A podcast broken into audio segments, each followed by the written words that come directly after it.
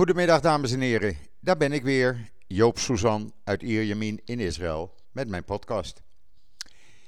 Ja, laat ik eerst even iemand de groeten doen. Ja, u zult denken de groeten doen, het is toch geen verzoekprogramma. Nee, dat is het ook niet, maar er woont een Nederlander hier bij mij in de buurt. En ik liep met mijn hondje even buiten, want die moet er ook even uit natuurlijk. En toen uh, werd mij opeens toegeroepen vanuit een auto: Hey Joop, wel een beetje opschieten, want je podcast uh, wil ik zometeen gaan beluisteren. Ik zei: Nou, ik zal, hem, uh, ik zal even snel naar huis lopen en dan gaan we de podcast opnemen. Dan kan je luisteren. Nou, bij deze dus. Hè.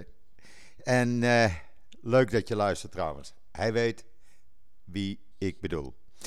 Goed, in ieder geval, dat heb ik even gezegd. Altijd leuk.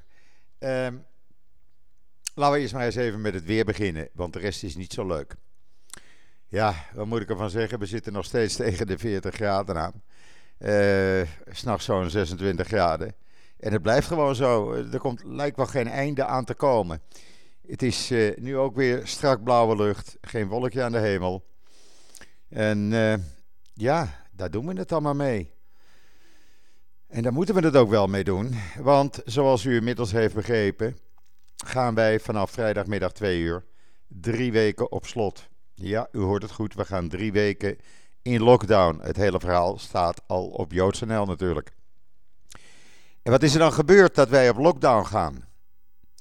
Want uh, iedereen die uh, JoodsNL een beetje volgt en mij volgt met mijn podcast, die weet dat er afgelopen donderdag door uh, de ministers is besloten om, uh, ja, zeg maar, voornamelijk de, de meest geïnfecteerde uh, gebieden, uh, dorpen, steden, wijken, om die op lockdown te doen. Maar ja, dat, dat is niet gelukt. Want het blijkt zo te zijn dat er dreigementen kwamen van de drie ultra-orthodoxe coalitiepartners. Die zeiden: Ho, wacht even. Tijdens de Joodse feestdagen moeten wij als orthodoxe Joden, als ultra-orthodoxe Joden, mogen wij ons huis niet uit? Nee. Of je doet het voor het hele land, of wij werken daar niet aan mee en we gaan we uit de regering. Nou, dan is het niet zo moeilijk te raden wat er gistermiddag gebeurde. Uh, professor Gamzu had geadviseerd: laten we het stoplichtenplan van mij gewoon strenger handhaven. Uh, geen gesjoemel daarmee wijken, steden, dorpen die uh, hoge infectie hebben, die gaan gewoon op slot voor een week, twee weken en die blijven op slot. Maar nee, uh, het gaat nu voor het hele land gelden. En daar ben ik kwaad om. Ik ben daar kwaad om omdat de politiek ondergeschikt wordt gemaakt daardoor aan de gezondheid van het land. Want bijvoorbeeld, uh, er zijn plekken, zoals bij mij in de buurt, waar weinig of geen besmettingen voorkomen. Hoe ik dat weet? Nou, uh, als er in de buurt besmettingen zijn, het eerste wat dichtgaan zijn de scholen. En bij mij in de buurt zijn drie scholen waar ik op uitkijk. En die zijn nog gewoon open. Maar nee, wij gaan dus op lockdown. Dat betekent dat we niet verder dan 500 meter van ons huis mogen. Uh, de supermarkten, apotheken en drogisterijen die blijven dan wel open. Bedrijven mogen niet meer dan 30% van hun personeel laten werken. Uh, en dat gaat voor drie weken gelden. Dat geldt dus voor Rosh Hashanah. Dat is de belangrijkste familiebijeenkomst eigenlijk van het hele jaar. Uh, op Rosh Hashanah is iedereen gewend om ja, met familie en vrienden overvloedig te eten, plezier te hebben. Uh, en dat zou dus nu vrijdagavond zijn. En dat gaat dus niet door. Dat betekent Bijvoorbeeld, en dan ga ik u, ja, ik praat nooit over privé-aangelegenheden zoveel. Maar voor ons als familie heeft Rosh een hele diepe betekenis gekregen.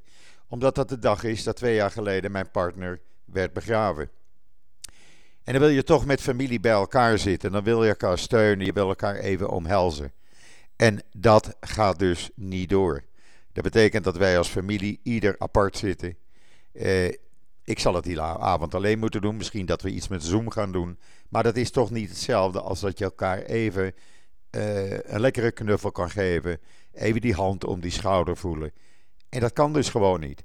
En dat kan gewoon niet omdat Netanyahu toe heeft gegeven aan de eisen van ultra-orthodoxe coalitiepartijen.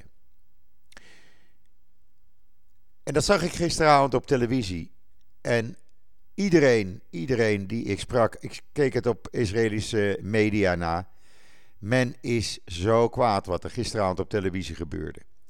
Net voor het vertrek van Netanyahu naar uh, Washington, daar kom ik zo op terug, uh, begon hij zijn toespraak eerst met te vermelden natuurlijk dat hij naar Washington gaat om een belangrijke overeenkomst met de Verenigde Arabische Emiraten en Bahrein te ondertekenen. Natuurlijk is dat belangrijk, natuurlijk. Uh, maar is het belang van het land niet nog belangrijker? Ik bedoel, de Verenigde Arabische Emiraten en Bahrein die sturen allebei hun minister van Buitenlandse Zaken. Ze sturen geen minister-president, ze sturen niet een president. Maar Netanyahu zegt nee, ik ga daar zelf naartoe als minister-president. En de minister van Buitenlandse Zaken, ach, die is in naam alleen maar minister van Buitenlandse Zaken.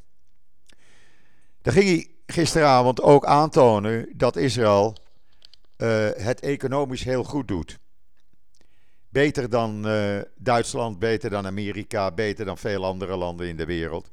Nou, dat is gewoon niet waar. De economie ligt op zijn kont. Deze lockdown gaat 1,6 miljard euro kosten aan het bedrijfsleven. Er komen ruim 200.000 nieuwe werkelozen bij, waardoor we dus ruim over de miljoen gaan. Eh, daarnaast 49% van de bedrijven die na de eerste afsluiting in april uh, tijdens Pesach uh, toegezegd is: jullie krijgen een uh, compensatie, financiële compensatie. 49% heeft nog steeds niets ontvangen of slechts een gedeelte ontvangen. Dus niemand die gelooft van er komt weer een, een financiële compensatie aan. Bedrijven hebben ook gedreigd van wij sluiten niet. Wij sluiten niet in de belangrijkste tijd van het jaar, de drie weken feestdagen. Daar gaan wij niet in dicht. En wij, wij gaan gewoon open. Dan krijgen we maar een bon. Nou, het is dan maar zo, maar wij gaan niet sluiten. We zullen zien volgende week.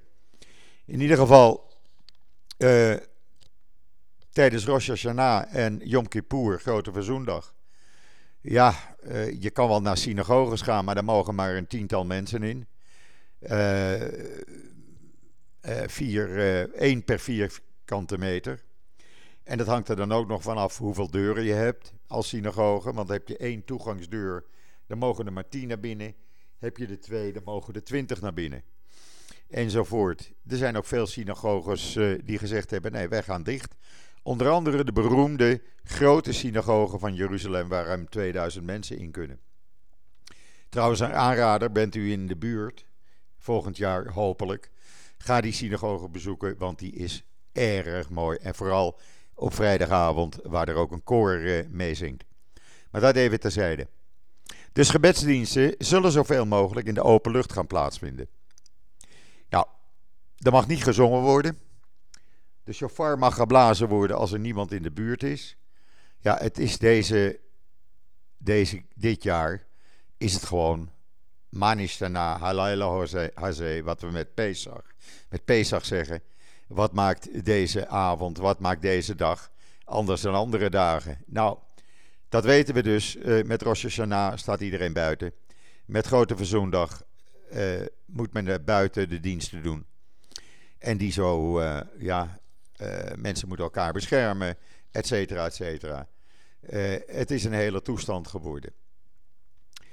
Daarnaast werd er ook nog gezegd van luister, je moet het eigenlijk zien als een soort harmonica. we gaan het afsluiten, dan gaan we weer open en dan komen weer die nieuwe besmettingen en dan gaan we weer dicht. Ja, maar zo werkt het natuurlijk niet. Sluit gewoon de delen af van het land waar die besmettingen het hoog zijn. En zorg dat die mensen niet naar andere steden gaan. Eh, er zijn verhalen bekend, het is elke, bijna elke avond op televisie geweest. Afgelopen week dat bijvoorbeeld Benai Barak was afgesloten en daar een bruiloft plaatsvond met duizenden mensen. Eh, andere orthodoxe plaatsen in Jeruzalem, bijvoorbeeld in orthodoxe wijken, waar bruiloften gewoon doorgingen Eh, je mag maximaal 50 mensen hebben. Nee hoor, 500 tot 1500 mensen was geen enkele uitzondering. Ja, op die manier hou je het virus natuurlijk nog toch niet tegen. Ook in Arabische gebieden in Noord-Israël werden bruiloften gevierd met uh, duizend of meer aanwezigen. Zonder de algemene uh, bescherming in acht te nemen. En ik merkte dat vanmorgen, ik dacht vanmorgen vroeg, weet je wat, nu we thuis zitten, ja, dat zal wel heel druk worden, want iedereen moet eten hebben, laat ik vandaag maar gaan. Nou, Joop heeft het geweten, want ik had niet eens zoveel nodig, maar je gaat toch wat inslaan. En uh, Joop stond alleen al bij de kassa 40 minuten in de rij, voordat hij aan de beurt was, terwijl er dus een stuk of 15 kassa's draaiden. Ja, het is gewoon paniek, het is chaos in het land. En wat eigenlijk, eigenlijk mij nog meer kwaad maakte, toen Netanyahu dus gisteravond uh, zijn toespraak eindigde, zei hij: Mensen, we komen hier samen doorheen. En vervolgens stapte hij in zijn auto onderweg naar het vliegveld om naar Washington te vliegen. Natuurlijk is dat belangrijk. Natuurlijk is dat een hele bijzondere ontwikkeling wat er hier gebeurt. Maar als je leider van het land bent, dan hoor je in een tijd waarin de chaos uitbreekt, en er is chaos hier, geloof me, mensen weten niet meer wat ze moeten doen. Ja, dan moet je in je land blijven en dan moet je iemand anders laten tekenen. Uh, dan maar niet op de foto met meneer Trump. Maar goed, dat schijnt allemaal niet te kunnen. Uh, en als je dan ziet de chaos, hoe groot die is, ja, dan, uh, ja, dan maak ik me bezorgd over de komende tijd. Dat meen ik serieus. Wat is er namelijk? Men is namelijk gewend hier in Israël. Mensen die tijdens de feestdagen wel eens hier zijn geweest, die weten dat. Men gaat erop uit, men gaat naar het buitenland op vakantie. Men bezoekt familie, vrienden. Men gaat kamperen. Men gaat naar het strand. Uh, men gaat shoppen. Want voor Grote Verzoendag wil iedereen er toch weer netjes uitzien. Kan allemaal niet meer. Alle malls gaan dicht.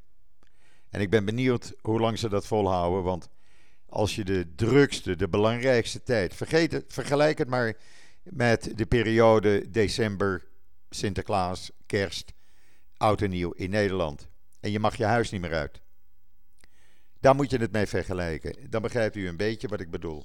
En dan begrijpt u dat we hier in Israël gewoon kwaad zijn.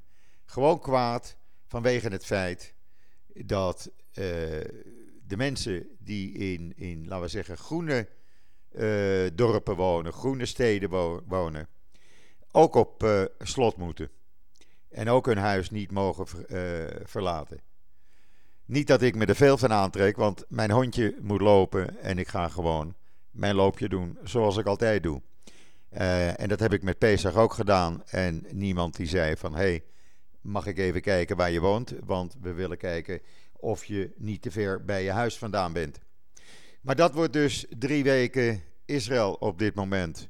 En het is niet iets om er naar uit te kijken, zal ik u zeggen. Ik ben daar, uh, nee, nee. Ik heb me vaker verheugd uh, op de feestdagen. En dit jaar, ja, het is totaal anders. Het is echt, het is een ramp. Dan uh, wordt er morgen dus dat, uh, die diplomatieke overeenkomsten getekend tussen Israël, Bahrein en de Verenigde Arabische Emiraten. Is natuurlijk mooi, het is natuurlijk bijzonder. De eerste aanbiedingen zijn er al om naar Bahrein te gaan. Het is een vlucht van 2,5 uur, omdat we over Saudi-Arabië mogen. Uh, Elan mag daarover vliegen. En dan kan je drie nachten uh, inclusief vlucht, inclusief ontbijt naar Bahrein voor uh, ongeveer 475 euro. Nou, dat is toch niet duur, vind ik. Alleen, ja, wat heb je eraan? Je kan het land niet uit. Uh, er zullen ook aanbiedingen komen om naar Dubai en Abu Dhabi te gaan. Nou, het staat allemaal op mijn bucketlist. Maar voorlopig kunnen we het land niet uit. Want officieel zijn de grenzen tot 1 oktober nog gesloten. Of ze daarna open gaan, ik betwijfel het. Want uh, tot 2 oktober namelijk geldt deze afsluiting. En ze hebben gezegd, uh, als het niet onder de 1000 besmettingen per dag komt, voor een langere tijd, dan wordt die afsluiting gewoon met een week verlengd, enzovoort, enzovoort. Men heeft de illusie laten varen dat men op 400 of 500 besmettingen op een dag zal komen. Dat gaat volgens de IDF nog minstens drie maanden duren. Eh, ook dat kunt u lezen op joods.nl. Dus ja, de, de, de, we kunnen niet reizen naar de nieuwe uh, landen waar Israël dan vrienden mee is geworden.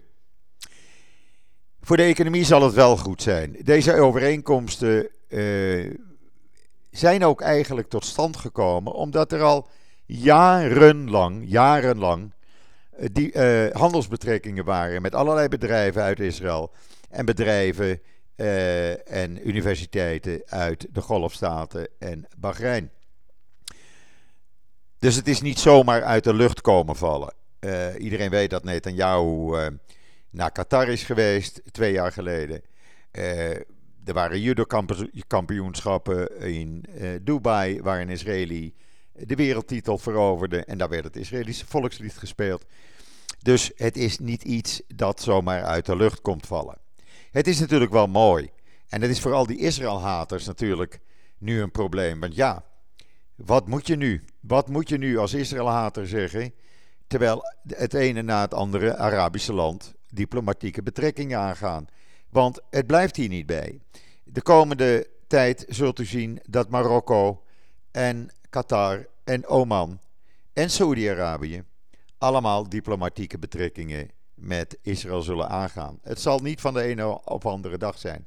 Maar Marokko zit er in ieder geval aan te komen. Uh, daar zet uh, uh, de regering Trump druk achter. En dat zou mooi zijn, want natuurlijk leven hier honderdduizenden Marokkaanse Joden in het land. Jaarlijks gaan er zo'n 25.000 Israëli's op vakantie naar Marokko. Eh, om hun, eh, ja, hun geboortestad te zien of waar hun familie heeft gewoond. Dus ja, dat is ook al bijna normaal. Dat is ook al niet iets waarvan je zegt, nou, gek. Eigenlijk zeg je dan van raar dat er nog geen diplomatieke betrekkingen zijn met Marokko. Maar dat komt er ook aan. En ondertussen staan de Palestijnen en hun leiders in hun hemd. Eigenlijk de leiders. Want die voelen zich nu twee keer met een mes in de rug gestoken, zoals beroepsonderhandelaar meneer Erekat zegt. Ja, dat is dan jammer. Dan moet je je niet uh, afzijdig houden. Dan moet je niet uh, vrienden worden met Hezbollah. Dan moet je geen uh, vrienden worden met Turkije, die zich ook tegen deze verdragen heeft uitgesproken. Maar dan moet je gewoon eens even logisch denken: wat is het belang van je bevolking? En het belang van de bevolking is toch gewoon normaal samenleven met Israël. Niet voor niets werken er 130.000 of misschien wel meer Palestijnen in Israël. Niet voor niets zijn er Israëlische bedrijven die uh, filialen hebben opgezet uh, in het Palestijnse gebied. Vooral op uh, high-tech gebied. Niet voor niets studeren er duizenden Palestijnse jongeren aan de universiteiten in Tel Aviv, in Jeruzalem, in Haifa. Dat is allemaal heel normaal. Dat is allemaal heel normaal. Alleen voor de Palestijnse leiders, die vinden dat niet normaal. Die willen dit niet. Die willen geen normale ontwikkeling. En dan heb ik een mededeling voor mevrouw Kaag.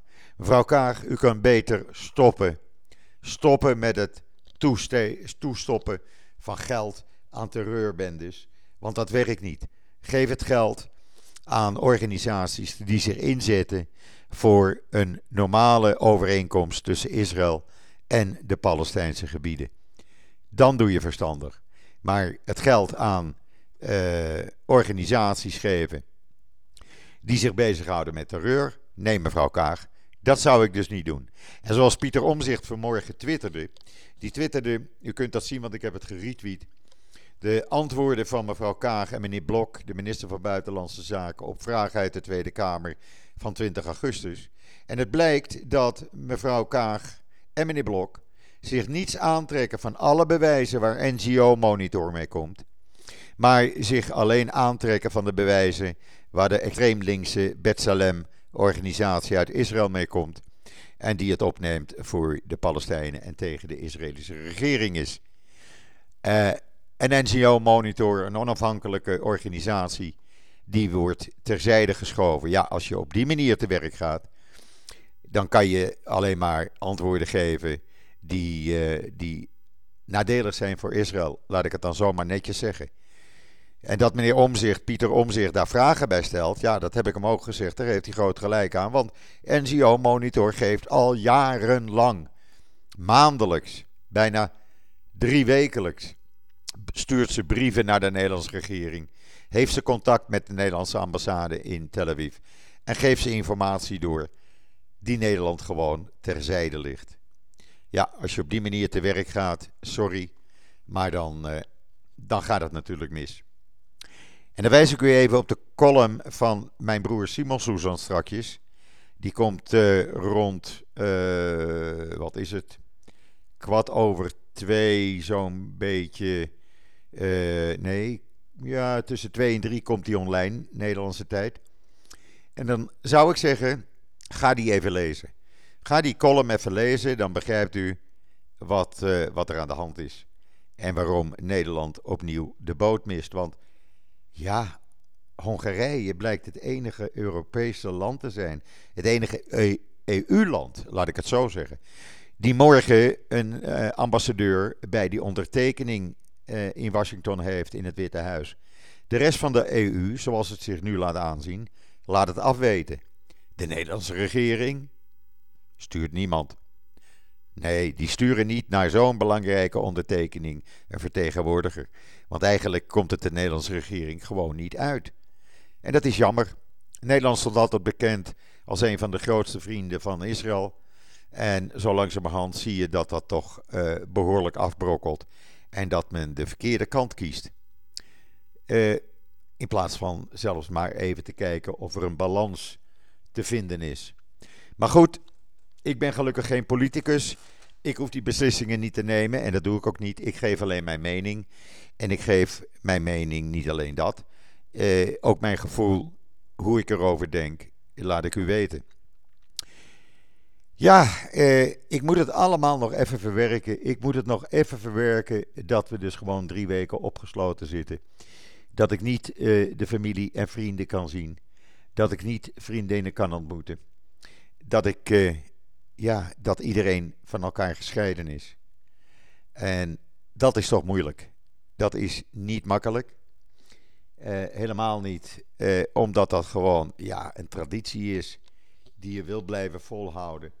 En wij worden eigenlijk gestraft nu als bevolking voor het mismanagement van de regering. En dan mag men nog zoveel mooie praatjes hebben om het goed te praten. We zijn in mei te snel open gegaan.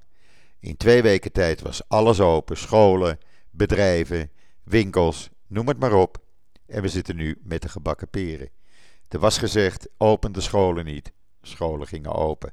Er was gezegd: sluit alleen de rode gebieden af. Het hele land is opeens rood gekleurd. En we gaan allemaal afgesloten worden. Gelukkig hebben we internet. Gelukkig hebben we nog televisie kunnen we tenminste zien wat er buiten Israël gebeurt. Maar dat is de situatie op dit moment. En het is zoals het is. Ik kan het niet mooier maken. Ik kan het niet veranderen.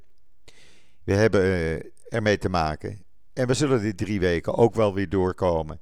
En dan hopelijk, hopelijk kunnen we weer op een redelijke manier, normaal, tussen aanhalingstekens, uh, ons leven leiden. Laten we daar maar van uitgaan. We blijven het positief zien. Het zonnetje schijnt. Joop haalt genoeg eten in zijn huis om uh, er lekker van te genieten. En uh, ja, dan hoort u donderdag van mij, net voor Rosh Hashanah, hoe de laatste ontwikkelingen dan zijn en welke kant het op gaat met het coronavirus in Israël. Want we zitten nog steeds zo rond de 4000 besmettingen per dag met een besmettingspercentage van 9,4%, wat erg hoog is. Uh, en hopelijk, hopelijk gaat dat heel snel binnenkort, ja, wordt dat stop, stopgezet. En gaat het besmettingspercentage naar beneden. Laten we daarvan uitgaan. Laten we het positieve inzien. Wens ik u nog een hele fijne voortzetting van deze maandag, de 14e september alweer.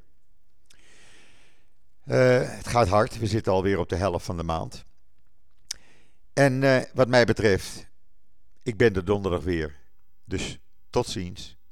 Tot donderdag.